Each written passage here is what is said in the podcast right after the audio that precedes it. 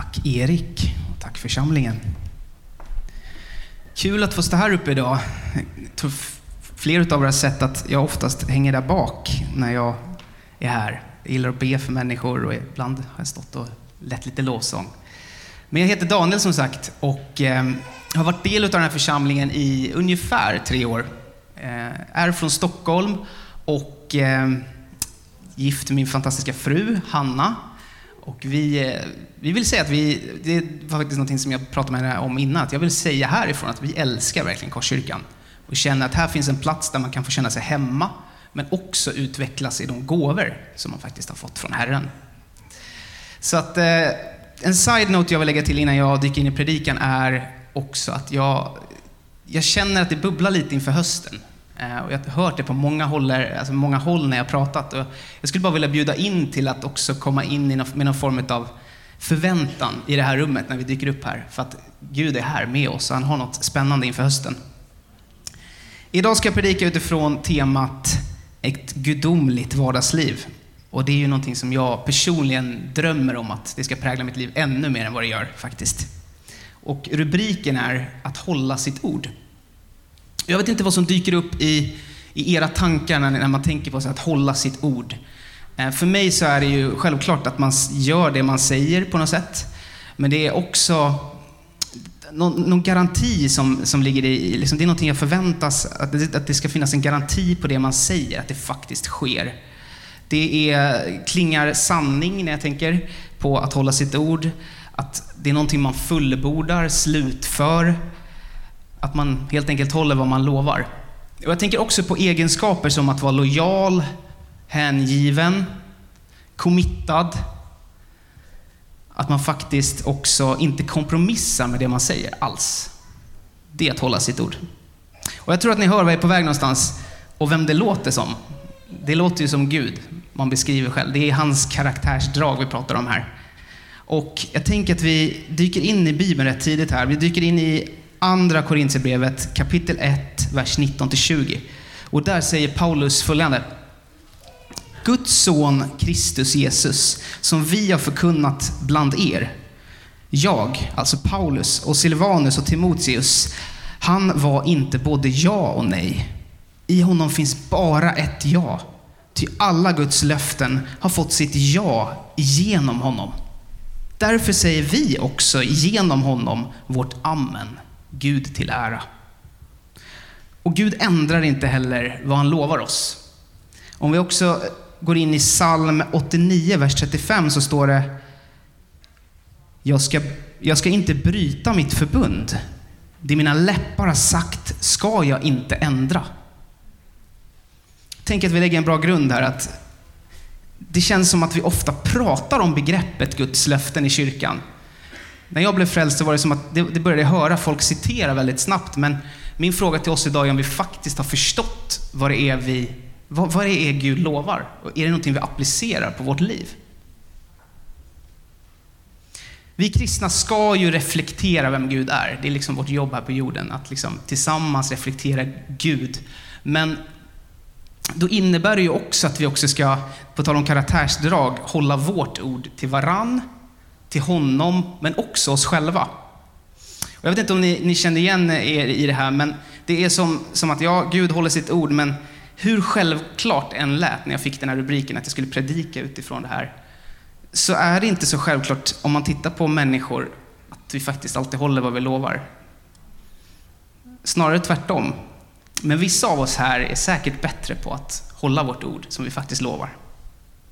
Men jag tänker att om vi börjar med oss själva jag vet inte hur många gånger jag har eh, ja, typ köpt det här gymkortet, börjat gymma och jag har en plan på att bli superfit på ett år och slutar efter en vecka. Jag vet inte riktigt om ni känner igen er också i det här med att man gång på gång lovar sig saker men man, man kan inte hålla det. Man känner sig lite som en hycklare. Jag har i alla fall eh, varit där många gånger och det kan också vara lite tyngre grejer som att man gång på gång lovar att man aldrig ska jag ska ta för exempel, skrika på sin partner. Jag ska aldrig mer göra om det. Och så händer det igen man blir besviken på sig själv. Eller så kan det vara att man gång på gång säger att jag ska inte dricka så här mycket igen. Så kommer du hem och så har du fallit dit igen. Eller du har lovat dig själv att liksom aldrig gå in på den där hemsidan igen. Det var sista gången. Men så hamnar du där igen. Jag tänker att det är lite samma sak med, det var liksom vad vi lovar oss själva, men om vi tänker på vad vi lovar varann, så är det också viktigt att vi håller det. Men hur många gånger är det inte liksom den här klassiken att du sitter och pratar med någon, kanske en nära vän, som säger Snälla det jag berättar nu, berätta inte det för någon annan. Och så tänker du bara, jag ska bara ventilera lite här borta hos min kompis här, för jag måste prata om det vi pratar om här. Du håller inte ditt ord. Du skulle inte säga någonting. Om vi tänker då i relation till Herren, till att hålla sitt ord till Gud, så vet jag inte hur många gånger vi kan stå och sjunga Ja, nu lämnar allt. Ja, nu lämnar allt. Och jag ska aldrig mer gå tillbaka. Men så står jag kvar när jag sjunger här. Det är som att jag säger att jag lovar dig att lämna allt. Men sen är det så lätt att gå hem efter gudstjänsten och på något sätt hamna i gamla vanor. Du gick aldrig dit du lovade att du skulle. Min favorit, en av mina favoritlovsånger är Här är jag, sänd mig. Här är jag, sänd mig.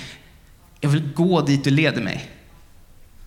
Även den sången undrar jag, jag skulle vilja ställa oss en gemensam fråga idag. Vill vi gå dit han leder oss? Varför är det så lätt att vi bara står kvar då? Om vi står och sjunger den låten så är det som att vi vill, men vi sitter fast. Ja, jag touchar på lite grejer som jag skulle vilja prata om.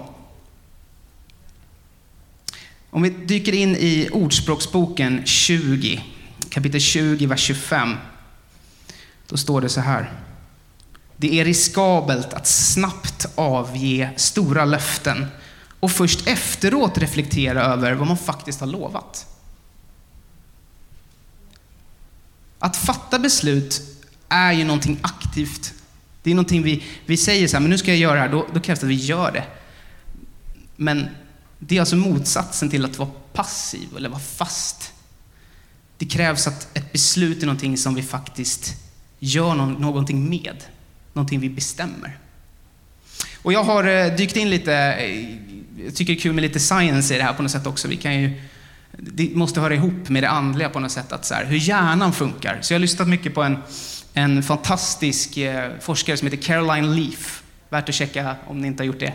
Hon pratar mycket om hur hjärnan funkar kring hur, vad händer i oss när vi, när vi går in i en kultur. Och i en intervju med henne så pratar hon om då hur, hur den här kulturen påverkar oss som människor. Och I kyrkans kultur så vill jag ju säga att det absolut är mest positivt i en hälsosam kyrka, som Korskyrka. Men, vad händer med oss när vi börjar liksom prata som, hon, hon uttrycker det som kristnetisk kultur? Hon tar upp exempel i intervjun som att vi ofta i kyrkan hör en predikan eller någon tala eller att någon börjar be. Och så är det som att vi tar tag i det och börjar citera det andra säger utan att vi applicerar det på vårt egna liv. Någon ropar halleluja här och då ropas det halleluja där. Men vad är genuint? Vad är äkta? Och det hon också pratar mycket om är det här att vi måste göra som som vi säger, alltså att det vi, vi måste agera på det vi faktiskt säger. Det är som att vi säger det som är som låter bra i den kulturen vi befinner oss i, eller i den kontext vi är i, för då blir vi accepterade. Men om vi inte hör, om vi inte gör det vi hör, ska jag säga, och det inte blir en del av vårt tänkande, så är vi fast då händer ingenting. Det blir ingen förvandling i våra liv. Hur mycket vi än sjunger de här sångerna, här är jag, sänd mig. Ett exempel, för att bli ännu mer konkret, vi behöver inte ta upp det på skärmen, men det är Andra Korintierbrevet kapitel 5, vers, eh, förlåt, kapitel 10, vers 5, där vi, det här är liksom en, en vers jag själv citerar väldigt ofta, så därför tar jag den som exempel. Gör varje tanke till lydig fånge för Kristus tror säkert många av er har hört den tidigare.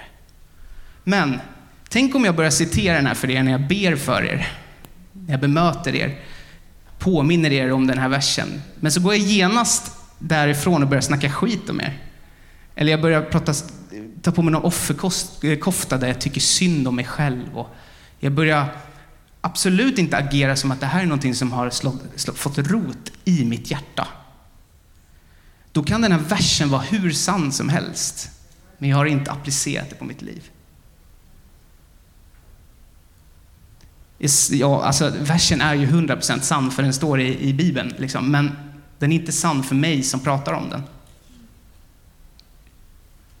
Så att säga det som låter bra och göra motsatsen, hävdar då Caroline Leaf, ger oss skador i hjärnan.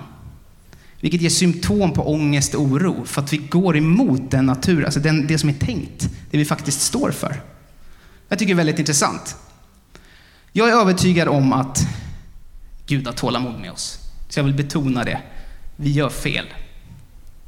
Men, han, och att han älskar oss. Men om vi säger att vi älskar Jesus så innebär det också att vi måste positionera oss på en plats tillsammans med Gud där han faktiskt också får förvandla oss dagligen.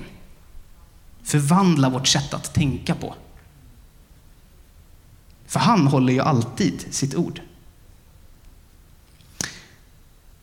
Något jag vet är att många av oss här inne garanterat är levande bevis på att Gud håller vad han lovar.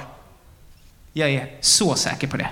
Och det är för att jag ska läsa ett löfte ut över den här församlingen nu, som är sanning i mitt liv. Och det är Hesekiel 36, vers 26. Där säger Herren, jag ska ge er ett nytt hjärta och fylla er med en ny ande och jag ska ta bort stenhjärtat ur kroppen på er och ge er ett hjärta av kött.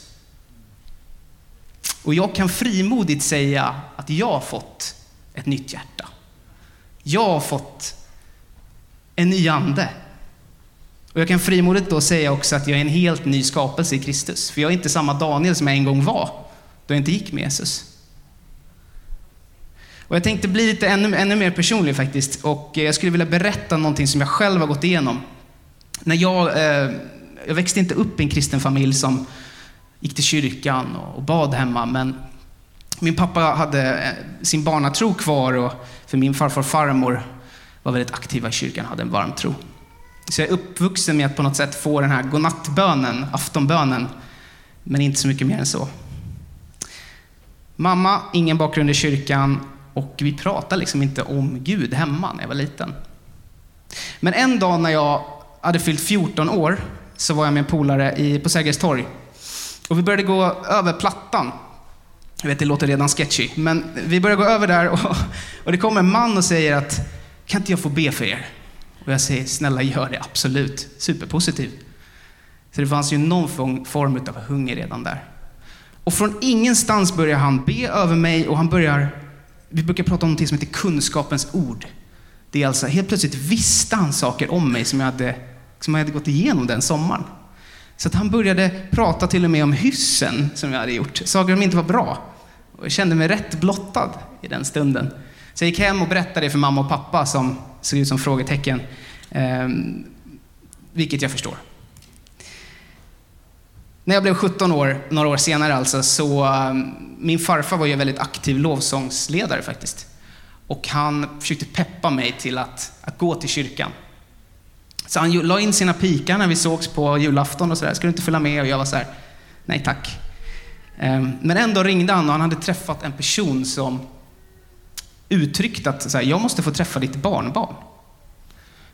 Så jag, jag sa ja, självklart, det låter ju spännande. Så jag dök upp mest för farfars skull, att göra honom glad. Och jag eh, gick in i kyrkan, satte mig i soffan bredvid min farfar i slips och kostym. Väldigt proper, välklädd man. Och så pastor Urban som sitter med någon form av sleeves, tatuerad och svartfärgat hår. Det var en sjuk kontrast att se den åldern. Jag bara, är ni båda kristna liksom?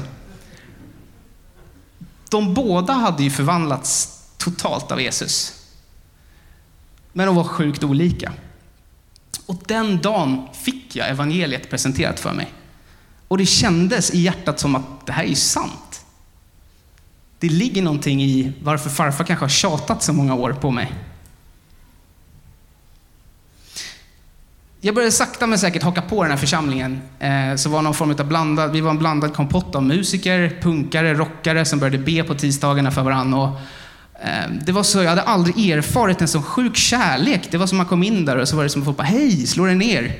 Så jag kände verkligen att de här tror på en levande Gud. Det här är ingen stel, tråkig Gud som, som, som inte finns, utan man märkte att det bubblade i rummet. Det var en äkthet som jag aldrig hade sett förut. Några år efteråt så bestämde jag mig för att döpa mig. Och jag önskar att jag kunde berätta för er att min resa gick åt rätt håll direkt efteråt. Men helt plötsligt gick jag åt andra hållet och började kompromissa. Jag vill betona på Guds tålamod här i den här berättelsen. Jag började kompromissa, det blev festande tjejer, karriär och pengar som tog upp all min uppmärksamhet under flera år. Och jag sökte bekräftelse i mina prestationer. Jag la en extra växel i att liksom bli grym på, på säljet och jag spelade på barer ute på nätterna och kände att det här, det här är kul. Men när jag kom hem så kände jag mig mer tom än jag någonsin hade gjort tidigare.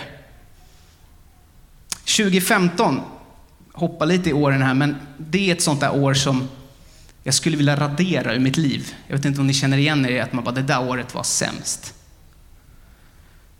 För det året blev jag väldigt sjuk, men det året tog jag också mitt livs största och bästa beslut. Jag hade varit på en, eh, typ ett läger i Laxå. Och där hade jag eh, på något sätt eh, hakat på och känt att ja, men jag vill ha mer av Gud. Så att helt plötsligt kommer det då fram en, en ledare till mig och bara, dig vill jag prata med.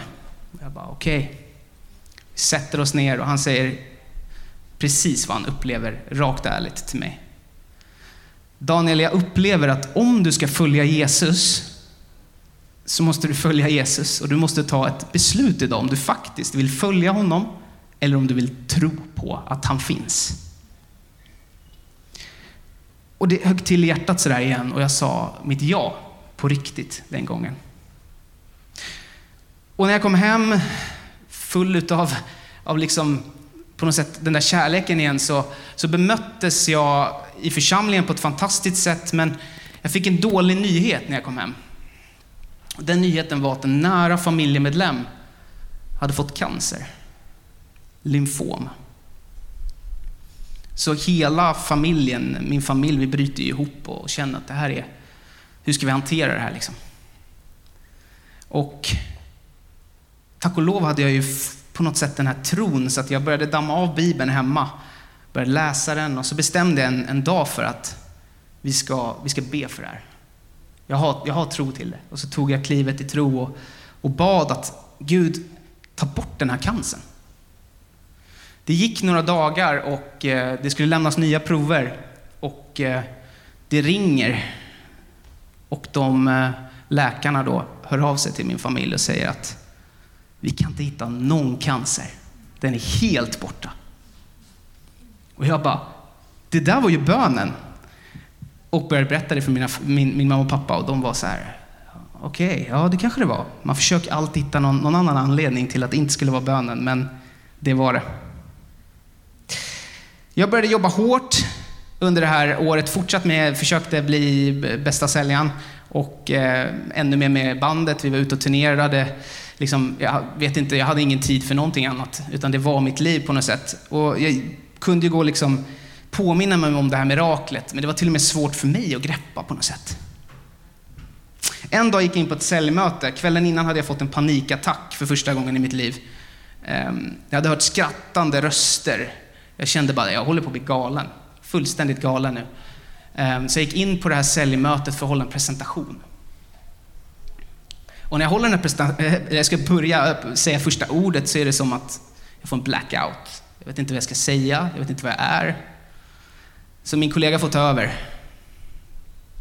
Vi hoppar in i, i, i tåget, pendeltåget hem. Han undrar hur det är med mig. Jag bara, jo men det är inte bra.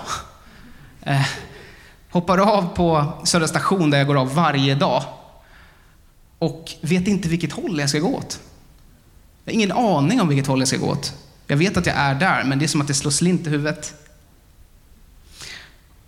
Och den eftermiddagen hamnar jag på sjukhus och eh, får någon form av, eh, det enda de säger är faktiskt, du måste hem och vila.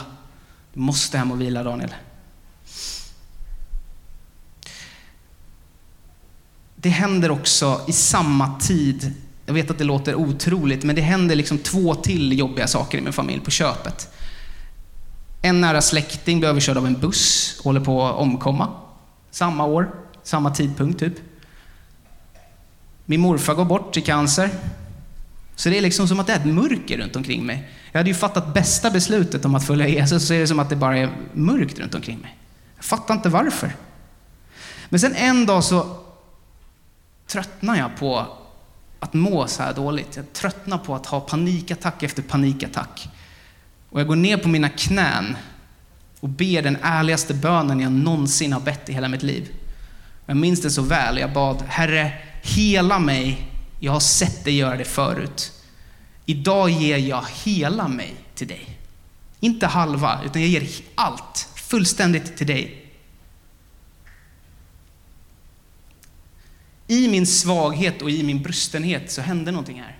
Jag släppte stoltheten om att försöka hålla koll på mitt liv på, e, på, mitt, liksom på egna sätt. Och, och sa, Herre, ta ratten, styr, snälla. Och Gud älskar ärliga böner. Han vill inte ha fake. Jag började kunna gå tillbaka och jobba lite så deltid och jag började gå till en kyrka lite smått. Det var som att min familj såg min resa. Hur mycket, jag, hur mycket jag kastade mig på Gud för att jag var så beroende av honom, för jag var så sjuk. Men så började jag må bättre och bättre. Och mamma och pappa följde med mig till kyrkan en dag.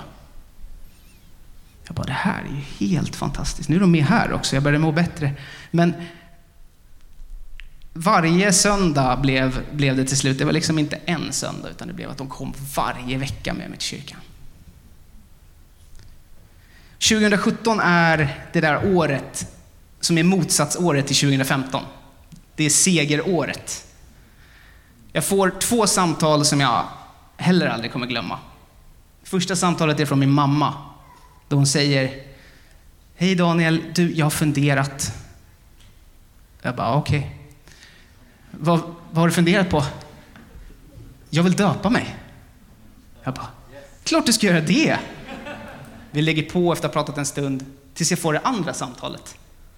Då är det pappa. Ja, vi har funderat här och jag, jag ska nog också döpa mig, säger han. Jag bara, yes! Har ni pratat med varann? Så, Så att eh, 2017 är året då jag får döpa min mamma, pappa och min bror Ludvig. Jag har en bild på det här. Så, seger, eller hur?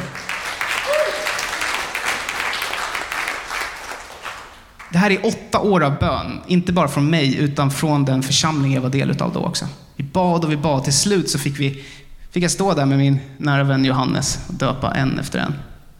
Och året efter fick jag döpa min minsta lillebror också, Erik. Men det som faktiskt blev ett uppvaknande i min familj, det var när de såg att mitt beslut gjorde någonting med mig. Det fanns en förvandling. Det var som att de började se att det faktiskt var på riktigt det jag pratade om. Mitt ja till Gud, som jag hade sagt många gånger, blev inte det där tomma löftet som jag bara kastade ur mig. Utan det blev ett aktivt beslut som inte bara påverkade mig, utan det blev ringa på vattnet. Min tro hade gått från tanke till handling och det var som att mina tankar och mitt hjärta var i synk med Gud och det började synas runt mig i vardagen. Jag vill poängtera att all ära till Gud här. Jag kan inte ta åt mig någon ära till det som har hänt, utan det är bara Jesus. Men vad överlåtelse kan göra runt omkring oss. Allt mörker vi gick igenom vände Gud till något fantastiskt och det gick från mörker till ljus. Och vi alla, jag vill verkligen poängtera, vi alla här har en unik resa med Herren. Så man ska inte jämföra liksom. Men jag vill skicka med, jag vill skicka med lite grejer här. Som jag har upplevt. Om vi ska kunna lita på att Gud håller vad han lovar, så måste vi börja med att umgås med honom. Vårt förtroende och tillit till Gud kommer genom att vi har en personlig relation och är fullständigt ärliga med honom. Det är i hans närvaro vi gör oss helt beroende av Gud. För att om vi ska kunna utvecklas och förvandlas, som vi har pratat om idag, så måste vi också ha viljan och längtan efter att förvandlas.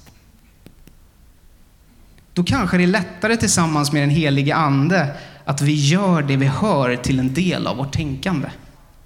Det blir inte de där tomma orden. Jag vill poängtera att Gud är snabb till att förlåta när vi gör fel och när vi inte håller vårt ord. Men när vi faller så måste vi omvända oss. Och omvända sig, det, det är liksom som, om vi går till botten med det ordet för en sekund. Ordet på grekiska är metanoia. Och det betyder förnyelsen av våra tankar och våra sinnen. Och det måste spegla våra handlingar. Vi måste lägga undan stolthet och rädsla till Gud för att, för att vi ska kunna fortsätta växa i vår tro. Annars kommer det inte gå. Och i vår lättkränkta värld så är det inte så populärt att stå fast vid sitt ord om det inte går hand i hand med vad samhället säger. Men tänk om vi började hålla fast vid vad Gud säger om hans sanningar. Då skulle vi börja få se ännu fler folk fatta att det här är på riktigt. Vi skulle få se frälsning efter frälsning tror jag. Och så som min farmor och farfar speglade Guds ljus in i mig genom sin överlåtelse så fick jag spegla Guds ljus in i min familj genom min överlåtelse. Och varför har jag berättat den här extremt personliga berättelsen för er idag? Det är för att enkelt sagt jag tror att någon eller några verkligen behöver höra det här. Jag vill tala speciellt till dig, Maria du kan komma upp. Jag vill eh, speciellt inte tala till Maria bara, utan till dig som sitter här idag. Eh, som på riktigt ber och ber för dina barn och barnbarn och eh, närstående. Du kanske har hållit på i åratal utan att få se någonting hända. Jag vill säga, ge inte upp och fortsätt be. Men lägg ifrån dig bördan om att i egen kraft försöka lyckas med det. För det, det kommer inte gå i egen kraft. Vi måste göra det här med Gud. I Lukas evangeliet kapitel 18-27 så står det Det som är omöjligt för människor är möjligt för Gud.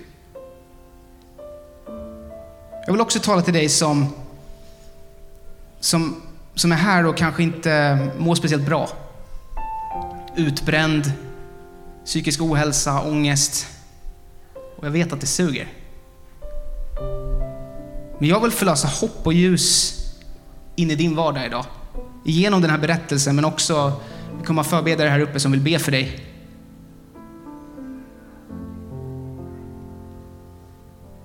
Så vill jag tala till dig som är här idag och du sitter fast. Du ser inte frukten av att Gud verkar i ditt liv. Du kanske har varit här i tio år, men du känner inte att, att du är nära Herren. Det känns inte som att det händer någonting i ditt liv.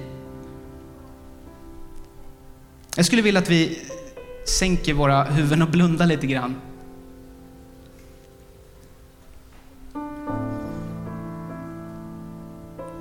Jag skulle vilja göra en lite speciell inbjudan till just den här kategorin, du som sitter fast.